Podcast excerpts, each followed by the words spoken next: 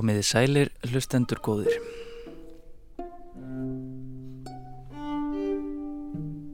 Franska tónskáldið Pierre Boulez lést fyrr á þessu ári. Í þessum þætti sem helgaður er minningu tónskáldsins er ætluninn að segja örlittla tónlistarsögu, hver var Pierre Boulez, hver voru áhrif hans og hver verða örlög hans innan tónlistarheimsins. Mér til halds og traust í þeirri rannsókn er tónskáldið Snorri Sigfús Birgisson en auk þess að fjalla um tónlistarsögu þá er þátturinn öðru fremur hugmyndasaga.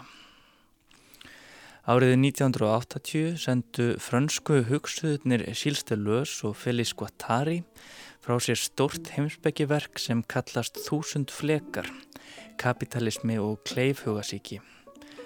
Verkið hefur haft dæmalös áhrif innan fjölda fræða, hönnunar og listgreina. Þar með talin hugtökin slétt og rákað sem Deleuze og Guattari skilgreina í lokakabla verksins en hugtökin þáðu þeirri arf frá engum öðrum en Pierre Boulez. Edvard Campbell, tónlistarfræðingur við háskólan í Aberdeen, mun rekja sögu þessara hugtaka í skrifum og tónlist Boulez og setja hugtökinn í samhengi við hugmyndir tónskaldana Claude Debussy og Olivier Messiaen og heimsbyggingsins Henri Bergson um tíman, misjamt flæði hans og framvindu. En fyrst gef ég Snorra Sigfúsi Birkisinni orðið sem ætlar að kynna okkur fyrir manninum Pierre Boulez.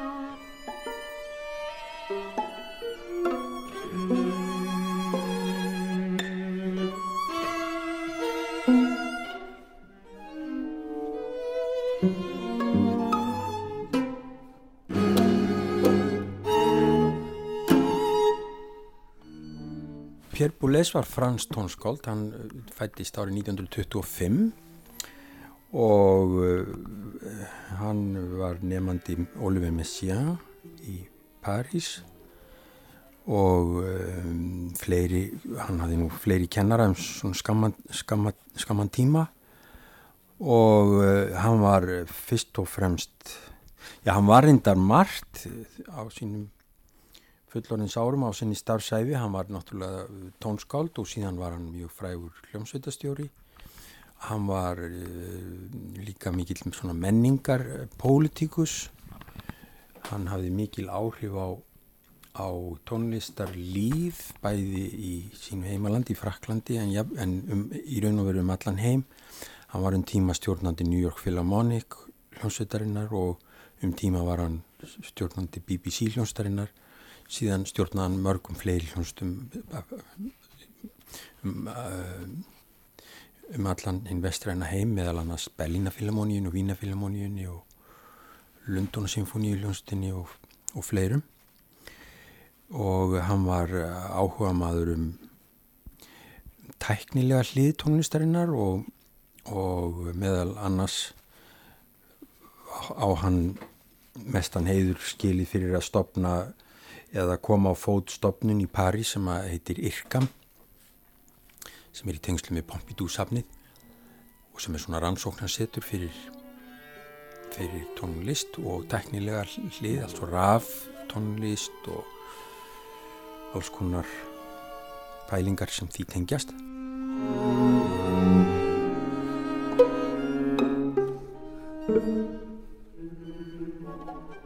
og uh, hann var svona daldið uh, ákveðin í skoðunum kannski sérstaklega á yngri árum eða svona framann á æfinni að svona hann hafði mjög ákveðin að sín á söguna væri kannski réttar að segja.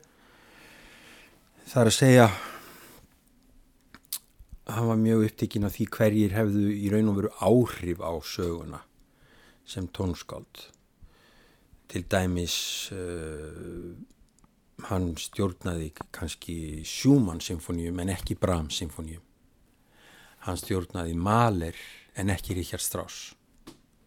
Nefnum kannski, það er einhverjar undantekningar sko en í aðalatriðum var þetta svona. Hann hafði áhuga á Haydn en ekki svo mikið á Mozart. Eitthvað svona. Og um, en uh, síðan reyndar uh, svona á síðu setni hluta æfinar þá til dæmi stjórnaðan Brúknir meðal hans áttundu symfoníunni og, og hérna það hefði maður átt erfitt með að ímynda sér kannski fyrir 40 ára en það gerða og svo breytust reyndar skoðanir hans svolítið svona eftir því hvað hann var að fást við held ég, hef ég á tilfinningunni sko sem tónskáld. Til dæmis uh, á einhverju tímabili held hann mest upp á vipen af vínar klassísku tónskáldónum en svo kannski síðar þá meira upp á Berg, Alban Berg. Þegar hann sjálfur fór að svona einbytta sér að því að sem ég verk í stórum formum. Mm. en viðbinn var náttúrulega með svo lítil form svona. En ég get nú ekki sagt að ég sé kannski neitt sérfræðingur akkurat í þessu en þetta er svona svona tilfinning sem ég hef um hann. Og hans svona þróun. Schumann, Brahms, Mahler, Bruckner, Beethoven, Mozart, Weber og Berg. Við skulum aðeins kynna okkur nánar hvað öll þessu nöfn merkja áður en lengra er haldið. Robert Schumann, heitt af þýsku tónskáldum romantíkurinnar og ötull tónlistargagrinandi. Hann gaf lögfræðina ám upp á bátinn og helgaði sig píanónu glýmdi við alvarleg geðræn vandamála allæfi en samti fjölda tónverka og er einna þekktastur fyrir sönglög sín.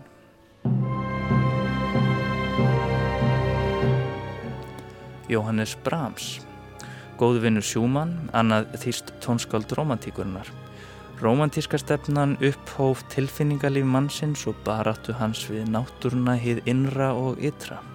Brahms þótti helst til íhaldsamur í Vínarborg á 19. öld Hann taldi klassiska tónlist þegar hafa náð hábundi sínum en engu að síður átti Brahms eftir að hafa áhrif langt inn í 2000. öldina.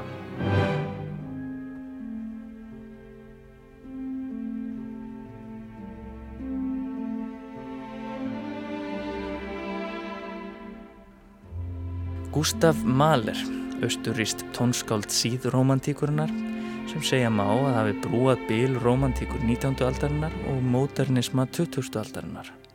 Tók katholska trú svo hann mætti starfa sem tónlistarstjórnandi í Vín en þurfti að þóla anduð og giðingafordóma fjölmiðla.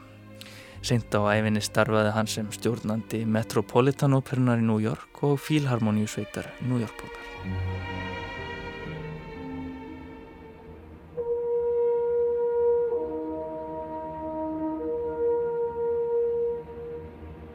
Anton Bruckner, annar fulltrúi síðromantísku stefnunar í Þísklandi og Östuríki, hann var umdeltur. Meðal annars vegna þess að gerðnan hann endur skrifaði verk sín án þess að vera viss í sinni sögum hver rétta útgáfan væri. Bruckner var þó dáður af mörgum arftökum sínum, meðal annars Mahler, sem lísti honum sem hálfum einfældningi, hálfum guði.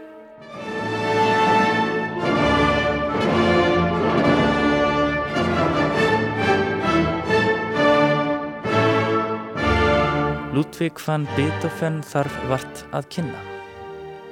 Nýja heldur Wolfgang Amadeus Mozart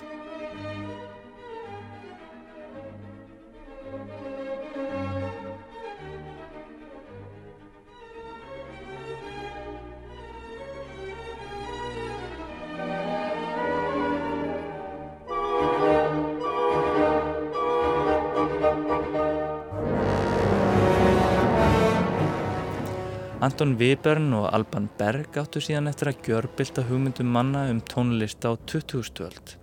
Báðir læruðu þeir hjá Arnold Schönberg sem þróaði á samt lærisveinum sínum svo kallað tóltónakerfi þar sem hefðbundin kerfi dúr og móltóntegunda voru endanlega leist upp og nýjar og rótækari kröfur gerðar til skinjunar tónlistarunenda.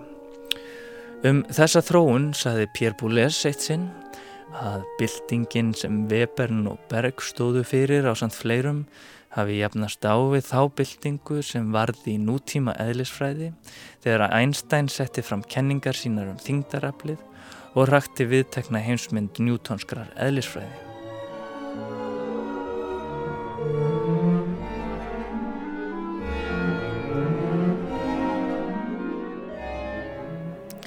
Hér heyru við Passakalju eftir Anton Webern undir stjórn franska tónskáldsins og stjórnandans Pierre Boulez sem lést fyrr á þessu ári 91 árs að aldri.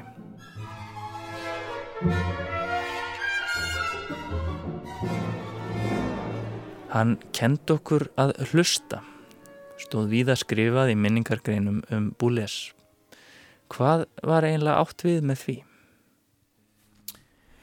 Já, það sem að kannski menn er að vísa til er það að hann segir sjálfur að, sagði sjálfur að eh, eftir stríð í París 1945 þá hafði til dæmis tónlist Sjönnbergs og Vipens og Bergs saman sem ekkert verið flutt í París og ef hún var flutt þá var hún ítla flutt þannig að fólk að hans mati hafi því mjög rángar hugmyndir um þessa músík. Og e, þá segja mann kannski hann kend okkur í rauninni að hlusta á verk þessara manna því að hann let hérna, flytja þau og gerði það mjög vel að þér talið er. Svo kannski er það það sem er átt við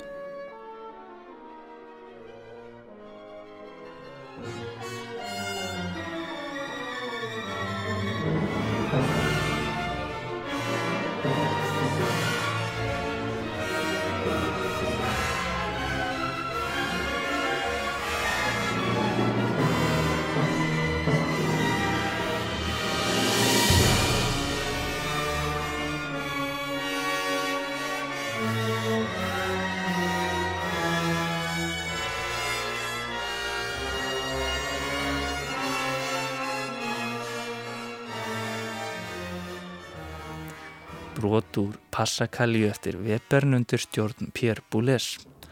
En hvaða áhrif telur Snorri Sigfús Birgisson að Pierre Boulez hafi haft á 20. og 21. öldinni?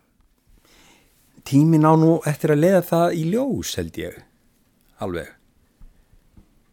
Maður mað þarf ekki svo mikið að hafa áhugir af því því að tímin er ákveðin dómar í því og strangur og um, sko tímannir hafa breyst alveg ótrúlega mikið á til dæmis frá því ég byrjaði að fylgjast með honum þannig kringum 1970 eitthvað svo liðs þanga til núna. Þannig að þá var Búles svona einna páfunum getum við sagt. Og það var mjög mikið margt tekið á honum. Og fleirum sko, kannski Cage var annar páfi. Og Stockhausen var þriði pávin og svo framvegis, svona nokkri pávar sem var mjög mikið margt tekið á. Og þeir höfðu mikil áhrif og menn skiptust svolítið í fylkingar svona. Eða manni fannst einhvern veginn að maður þyrti að, að, þyrti að vita hvað þessi menn voru að hugsa og gera og maður þurfti að tekja verkin þeirra svolítið og svona og jafnvel eh, vera með einum og á mótið öðrum og svona.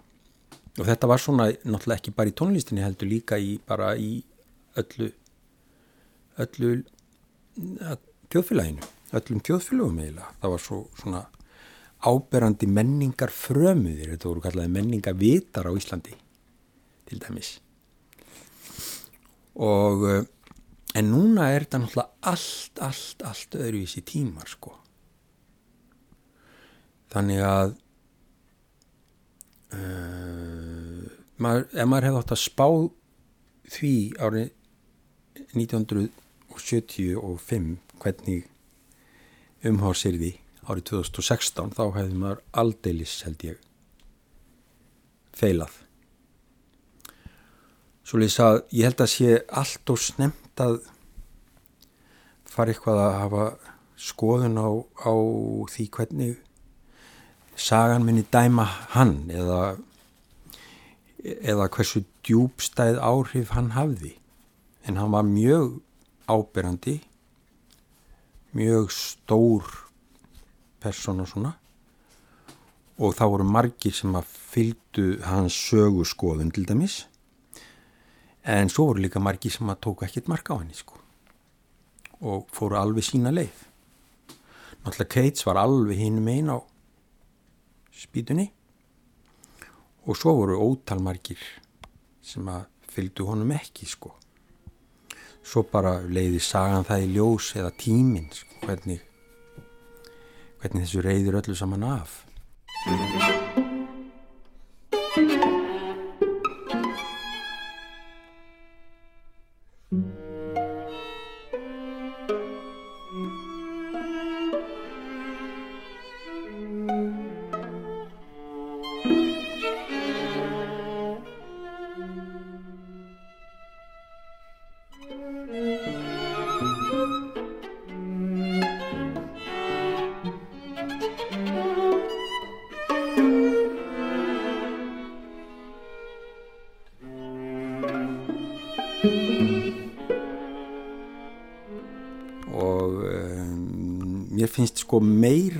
mér finnst persónulega áhugavert hvað það er sem að gerir það verkum að músík lifir til dæmis í hundrað ár jafnvel þó hún hafi haft rámt fyrir sér sögulega.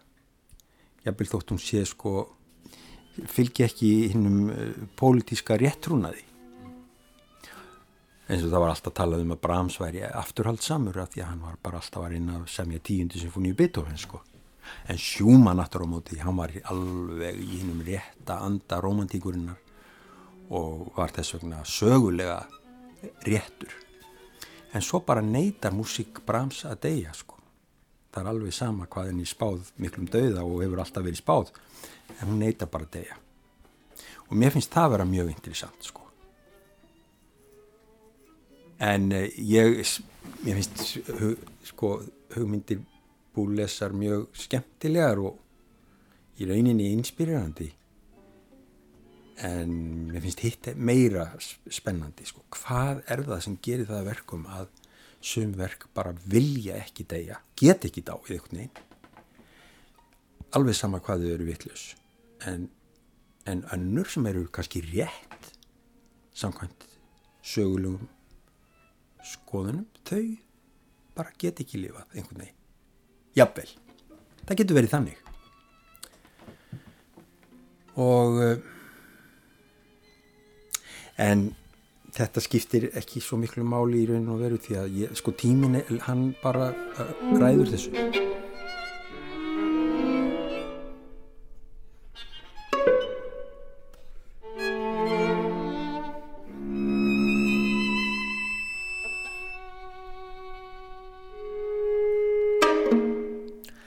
Sagði Snorri Sigfús Birgisson tónskáld um áhrif og örlög Pér Búles innan tónlistarheimsins og þá skulum við beina sjónum okkar annað.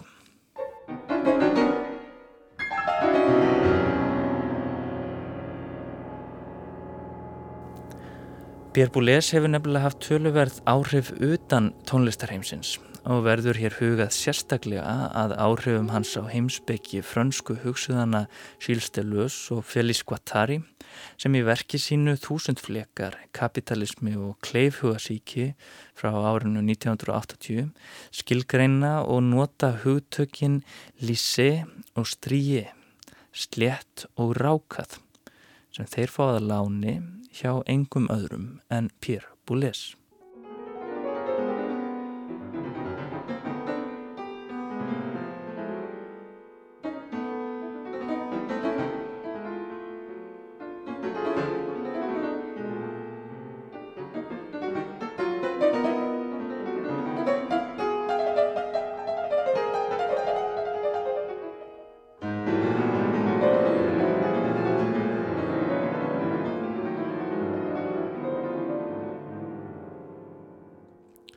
Þessi hugtök hafa haft ákvæmlega mikil áhrif innan ímissa fræðigreina og óþarfi er að fara langt út fyrir landsteinuna til að finna þess dæmi. Arkitektar hafa tekið þessi hugtök upp á arma sér, Hildigunnur Sveristóttir er einn þeirra og hefur hún lagt til þýðinguna samfelt rými í staðin fyrir slétt rými.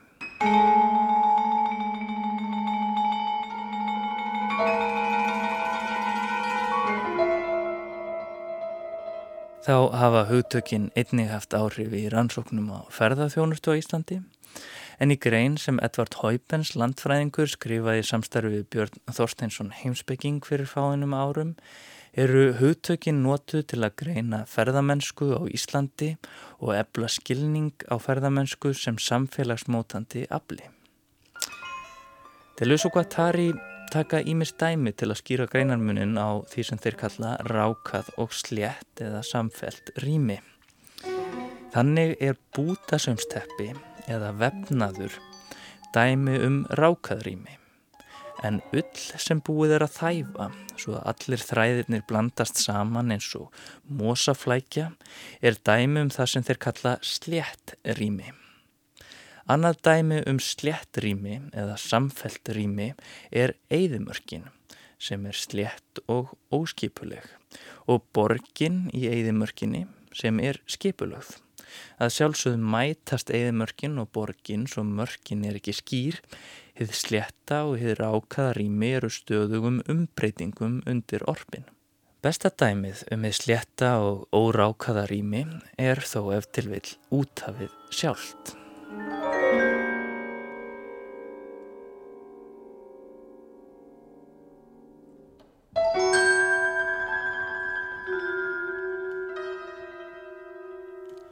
Hugtökin um hefði slétta og rákaða sem í dag eru vel þekkt innan fræðaheimsins og eru sótt í verktelus og guattari, þúsund fleka, rekja sem fyrr segir rætur sínar til Pér Búles.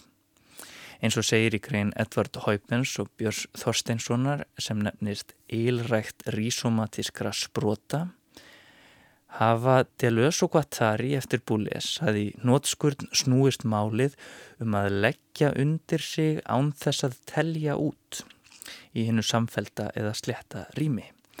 En í rákuðurými snúist málið um að telja út til þess að leggja undir sig.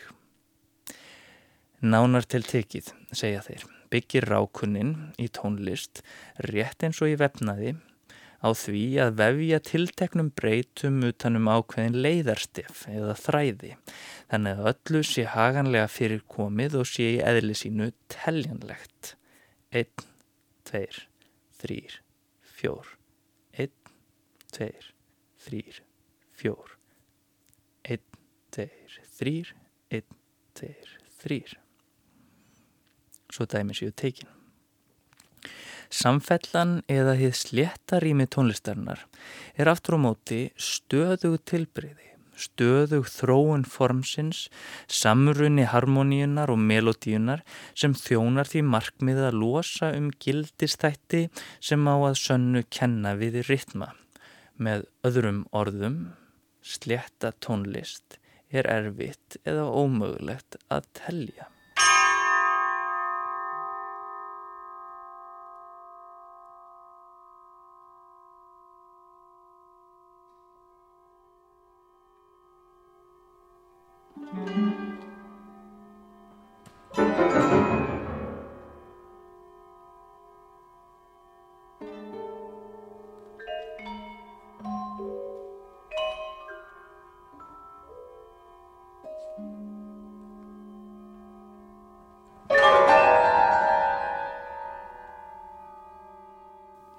Þetta kann að hljóma flókið en hugmyndin er bísna einföld og hefur sterk áhrif á upplifun okkar af tónlist þegar hún er flutt.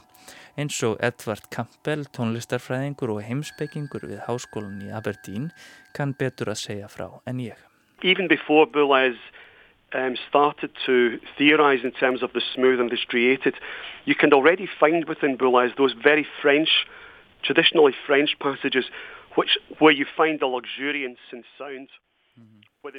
Já, vel áður en Búles fór að skrifa fræðilega um við sletta og rákaða, þá má finna í verkum hans kabla sem vísa stert til hefðar í franskri 20. aldar tónlist. Í þessum köplum, sem eru glæsilegir og ríkulega hljómandi, verðist tíminn hreinlega standa í stað. Það er engin framvinda. Í öðrum köplum vindur tónlistinni fram með taktvissum, jável velrænum hætti, þar sem takturinn er skýr og framvindan augljós. If you, if you move on to about 1965, a piece like Eclat, Ef við spólum fram til ásins 1965 og skoðum verkið Eclat, þá veru kaplarnir við uppaf og endi verksins ákala taktfastir. Þar sem tónlistin er mjög skýrt talin út. En í miðjiverksins er brúð á leik með sérkenni einstakra hljóðfara. Búles heldur þar upp á hljóðfari sem framkalla tóna sem erfitt er að stjórna hvað hljóma lengi.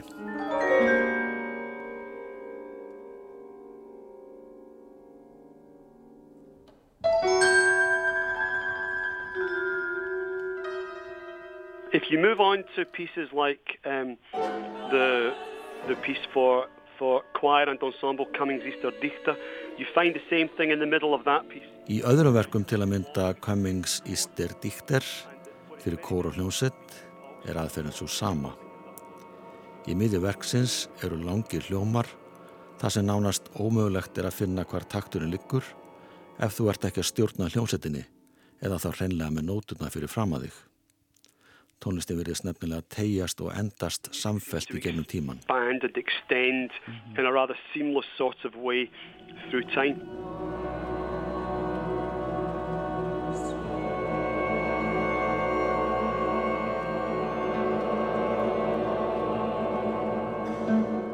You find it in a big piece like Ripon from 1980 to 1981 to 1984. Þessu er einnig að finna stað í stóru verki á borðið Repón sem samið er á árunum 1981 til 1984. Það er að finna augnablík sem eru skýrt gefindi kynna með taktvið sem hætti og síðan önnur augnablík þar sem tónlistin nálgast reynlausan tíma. Í verkinu Repón er jáfnvel að finna staði þar sem er sletta og rákaða blandast saman á sama tíma. This is something you find said by both Boulez and Doulos that these, the smooth and the straighted Þetta er nokkuð sem kemur skýrt fram hjá bæði Boulez og Deleuze. Þið sletta og rákaða eru ekki aðeins anstæður, heldur nokkuð sem finna má á sama andartaki. Þannig geta verið kablar þar sem tónlistin fellur í skýrt afmarkandi hrinnjandi en blandast síðan þáttum sem stefna í átt að þínu sletta og órákaða. You have music which is clearly striated, but at the same time you kind of elements within that that move towards the smooth.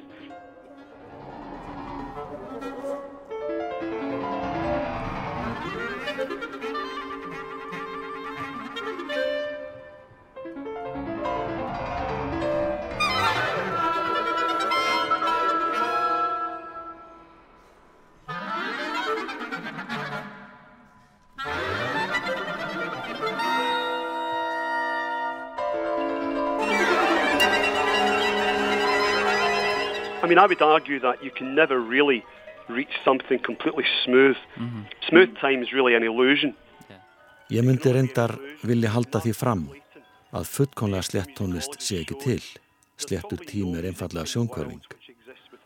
Þetta hefur tónlistafræðingurinn Martin Clayton sínt fram á. Það er ekki til svo tónlist í heiminum sem ekki hefur einhverja hrinnjandi.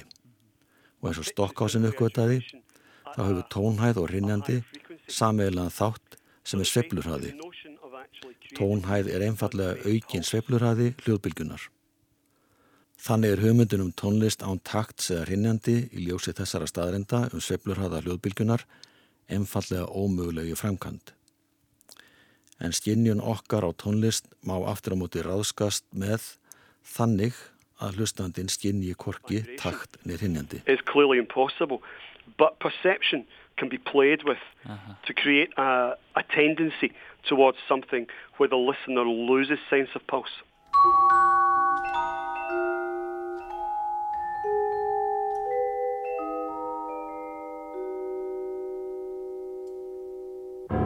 If you look at Boulez's correspondence, this is unpublished, but you start to find him in the, the late 1940s. Ég sendi brjöfum frá síðar hluta 15 áratugurins sem Búles skrifar belgiska tónskáldinu og hljómsættastjórnum André Sourí. Það var ljóst að hann er farin að velta því fyrir sér strax um 1948 hvernig búa mig til flokkanakerfi fyrir ólika þætti tónlistarinnar. Laglínu, harmoníu, tónhæð, takt, tónlengt og áherslu. Búles ímyndaði sér að það mætti búa til yfirlitskort yfir þessa þætti og skoða þá sem anstaður. Þar kemur ljós ákveðin tvíhyggja um það hvaða leiðir eru færar í smíðum tónverka. So there's the beginnings really of a binary thinking in terms of how you could flesh out sets of possibilities. Mm -hmm. That's really from about 1948, but it's only really in 19, 1960-61 in his Darmstadt lectures that he gave there that he actually sets all of this out in the book which is published in English, Boulez on Music Today. Uh, the original French was mm -hmm. Pensez la musique aujourd'hui. Um, or in German it was Musik denken heute. En það er raunar ekki fyrir en um 1960 eða 1961 að Búles flytur Darmstadt fyrirlestra sína sem síðan voru brentaður undir titlinum Búles um tónlist samtímans. Þar setur hann fram anstöðunar slett og rákað um bæði tíma og rými.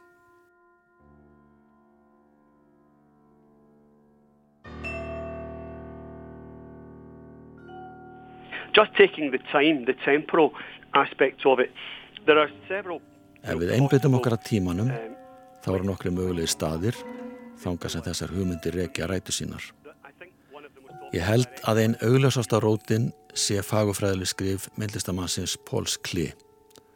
Þegar Búles og Stokkásen uppgötuðu skrif Póls Kli á sjötta áratöknum, fjallu þeir gjössanlega í stafi. Þeir fullirtu að báhás fyrirlestrar Póls Kli varu besta kennslubóki tónsmíðum sem hægt var að hugsa sér. Upp frá því sækir Búles fjölmarkar hugmyndi sína til kli. Í fræðisköfum kli er nefnilega að finna fjöldan allan af hugtakapörum sem tengjast henni óskipta og þess skiptanlega. But anyway, in um, Clay's theoretical writings, you find this distinction he makes between the individual and the non-individual. Mm -hmm. And if you look at Clay, you find this kind of notion of, he doesn't use the terms, but the smooth and the striated, but you get the idea of all kinds of divisions and mm-hmm. non-divided really within that. Clay notar ekki hugtökinn slett og rákað, en einhvað síður er hugmyndin þegar til staðar í einhverju mynd.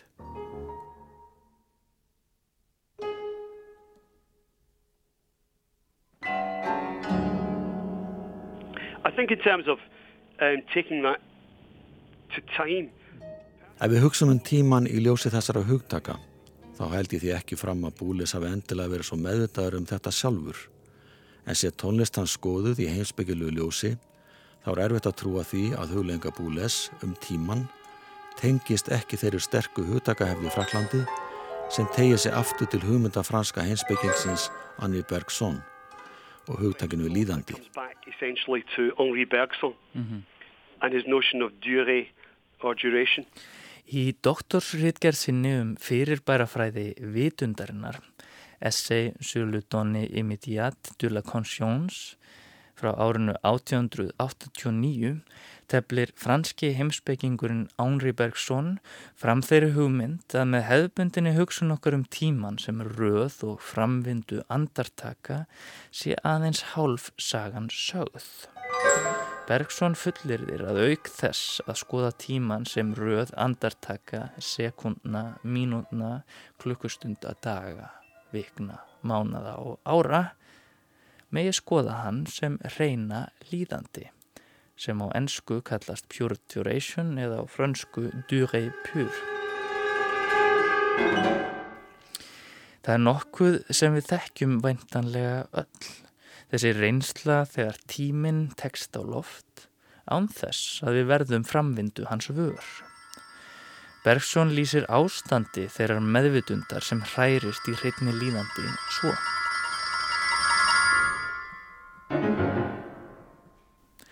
Hreinlýðandi er svo mynd sem framvinda meðvitaðs ástandsokkar tekur á sig er sjálf okkar leifir sér að lifa. þegar það forðast að aðskilja núverandi ástand sitt frá fyrra ástandi sínu.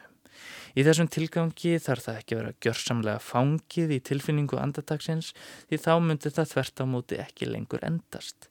Það þarf heldur ekki að gleima fyrra ástandi sínu Það er nóg að þegar það rivjar upp fyrir ástandsitt þá stillir það því ekki upp sem punkti aftan við núverandi ástandsitt heldur myndar lífræna held úr hinnu liðna andartæki og nútíðni eins og á sér stað þegar við rivjum upp nótur í lægi sem bráðuna, svo að segja, hver inn í aðra.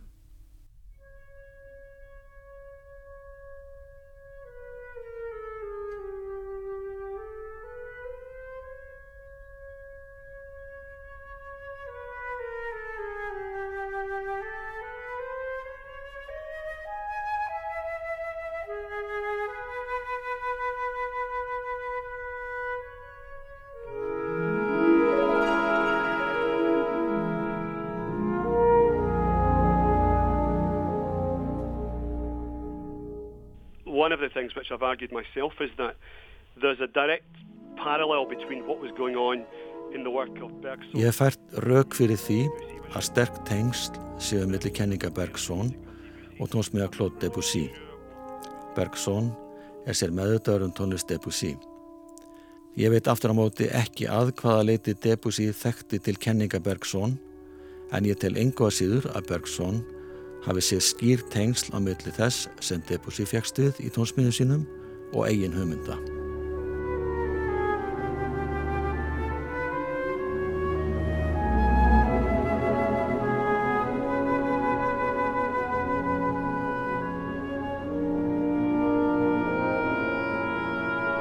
Could argue that really through the 20th century in French music there's an increasing concern with time. Ég held að reysa megi því stóðir að fransk tónskáld hafi orðið sífælt uppteknar á tímanum eftir því sem 20. öldinni vindu fram. Það má finna í tónlist Debussy. Búles segir sjálfur um verki sem hér hljómar, Sítið skóapúkans frá ornu 1894, að það sem er því verki sem nútíma tónlist verður til.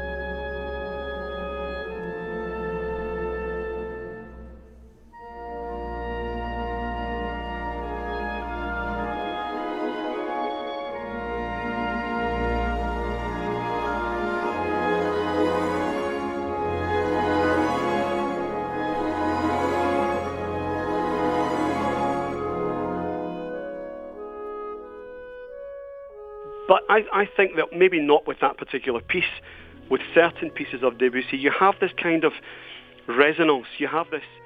Um... Ég er kannski ekki sammála fullingum búles um þetta einstaka verk, en það fer ekki að milli mála að í ákveðnum verkum Debussy má finna ákveðin enduróm, staði þar sem engu vindu fram og það er eins og tíminn stöðvist.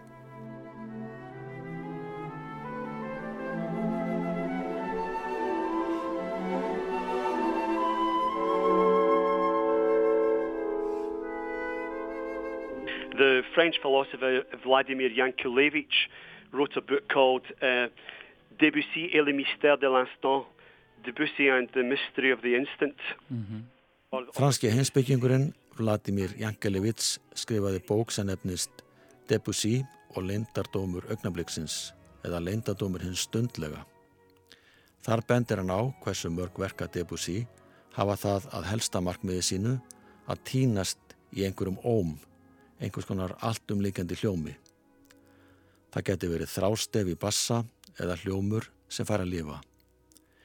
Ólíkt þísk-austurísku tónmáli þá er tónlistin ekki marksækin, Hún hefur engan tilgang, hún þarf ekki að fara neitt sérstakt. Hlustandanum er einfallega left að baða sig í ómi tónlistarinnar. The music is not teleological. It doesn't have to go somewhere. You can simply luxuriate in the sonority.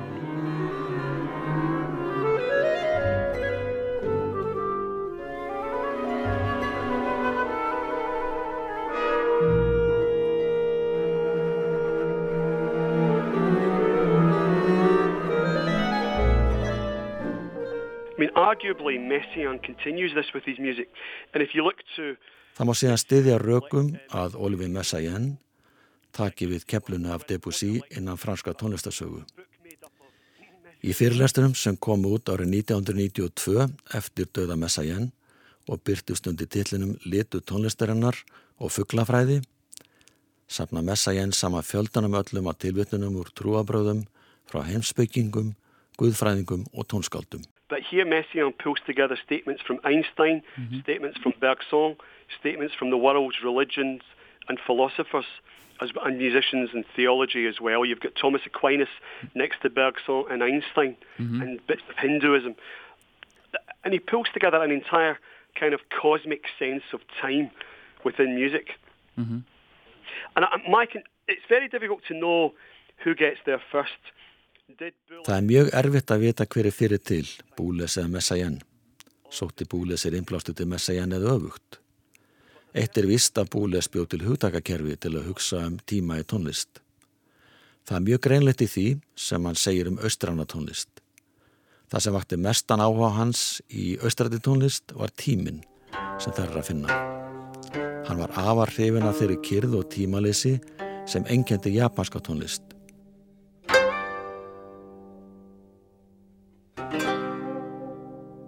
Strax á 5. áratugnum komst hann í kynni við mikið af annari tónlist frá Asju. You would have heard these recordings partly through Messiaen but also through um, André Schaeffner who was the chief... Sennilega hefur hann heyrt ýmsar upptökur sumar hjá Messiaen og aðra hjá André Schaeffner sem var sérfræðingur í tónlist ólíkra menningar heima við mannfræðisafni í París og góðvinu Búles. Hann lánaði Búles einhver þeirra framandi hljóðfara sem Búles notaði tónskupu sinni og upptökur sem Sefnur hafi gert sjálfur í Afríku og víðar. Það er nefnilega oft hort framhjá því að Búles hafi mikinn áhuga tónlist annara menningar heima. It's, it's a fact about Boulez which is often unappreciated that Boulez was deeply interested in other musics. The Deleuzian thing, to be quite honest, it's Deleuze takes the Til að geta sannmælis þá eru hugtug Síl de Luz vissulega fengi frá Pierre Boulez en að meðan Boulez mótar hugtekinn til að hugsa um slettan og rákaðan tíma í tónlist þá býr Deleuze til hinsbyggilu hugtök sem eru eðlimálsins sangkvæmt tölvöld frábriðin hugtökum Boulez.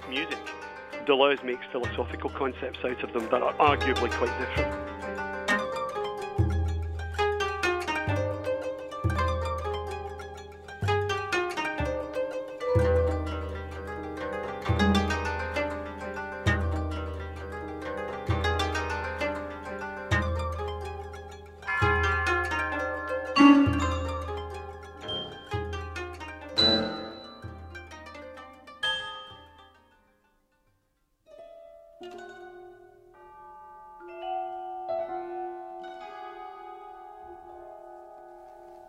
dettur í hug í sambandi við rákaðan tíma, hvað kallaður það aftur? Rák, -hmm. Rákaðan tíma og sléttan tíma. Já.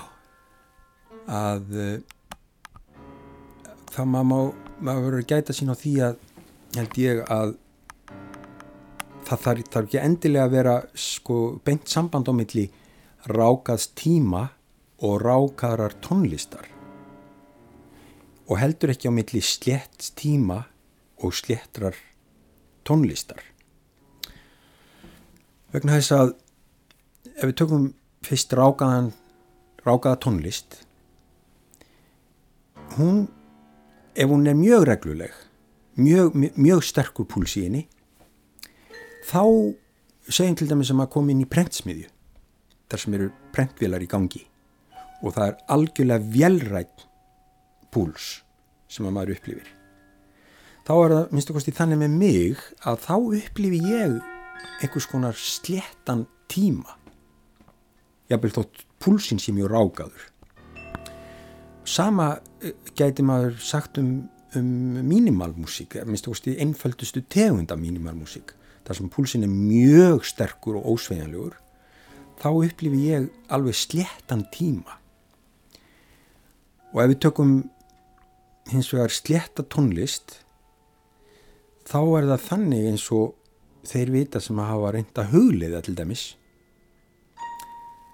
og fara inn í herbergi sem er það sem er ekkert sem trublar ekkert hljóð sem trublar að þá fyrst fer nú allt á stað í sálinn á manni og maður, það kom alveg stjórnlausar hugsanir upp í hugan og að einu leitinu og að hinu leitinu sko getur maður bara allt í einu farið að heyra í hjartan í sér. Hjartsláttin sjálfan sko, púlsinn. Og ef maður kannski situr svona og heldur höndunum svona saman og þá finnum maður púlsinn líka í í úrliðnum og þá fenn maður að í þessu slétta umhverfi fenn maður að upplifa rákaðan tíma. Þannig að að þetta er allt svona svolítið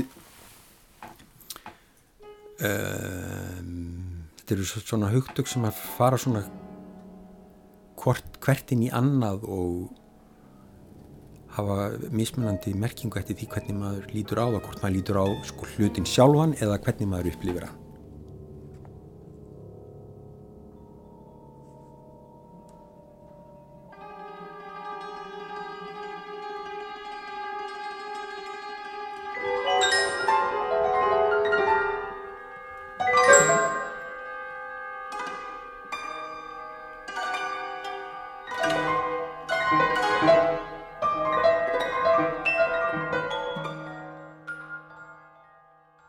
Við Snorri Sifús Birgisson hittumst nokkrun dögum eftir að ég tók við hann viðtal skömmu eftir andlát Pér Búles í februar síðastleinum. Ég var að syngja með hamraliðakórnum, Snorri var að leika undir. Við vorum að syngja Arvo Pert, verk sem kallast Tedeum og sækir áhrif sín í eitt elsta form klassiska tónlistar, gregorískan tíðasöng. Þegar ég hlustaði á verkið og þegar ég æði það og flutti það, uppliði ég æ ofan í æ einhvað sem ég held að verði best líst sem sléttum eða samfældum tíma, einhvers konar flæði, einhvers konar framlengdu augnabliki. Þar sem fortíðin og nútíðin mynda lífræna held eins og Bergson orðaði það, rétt eins og þegar við rifjum upp nótur í lægi sem bráðuna svo að segja hver inn í aðra.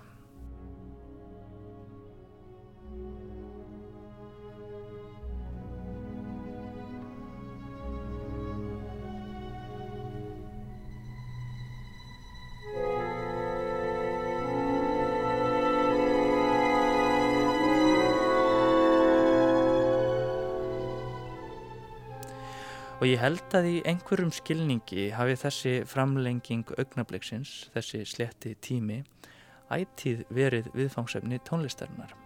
Það er ekki nýtt með Boulis, það er ekki nýtt með Debussy, það er ekki nýtt með klúpatónlist samtímans. Þetta eru allt einfallega nýjar, misnýjar leiðir til úrvinnslu á einhverju sem er tónlistinni eiginlegt að byrta okkur veruleika sem er ómögulegt að koma í orð því þar glittir í einhvað handan tímans.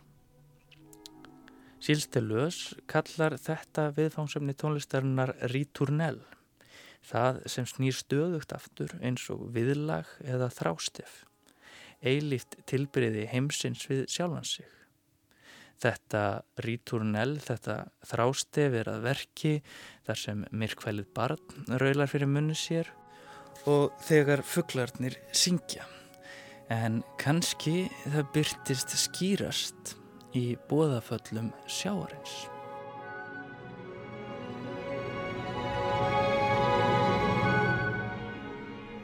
Fjörbúlis var ekki aðeins tónskáld heldur virtur stjórnandi og það er hann sem heldur um tónsbrotan í síðasta verkinu sem var að hljóma í þessum þætti, broti úr La Mer útafinu sjónum eftir Debussy.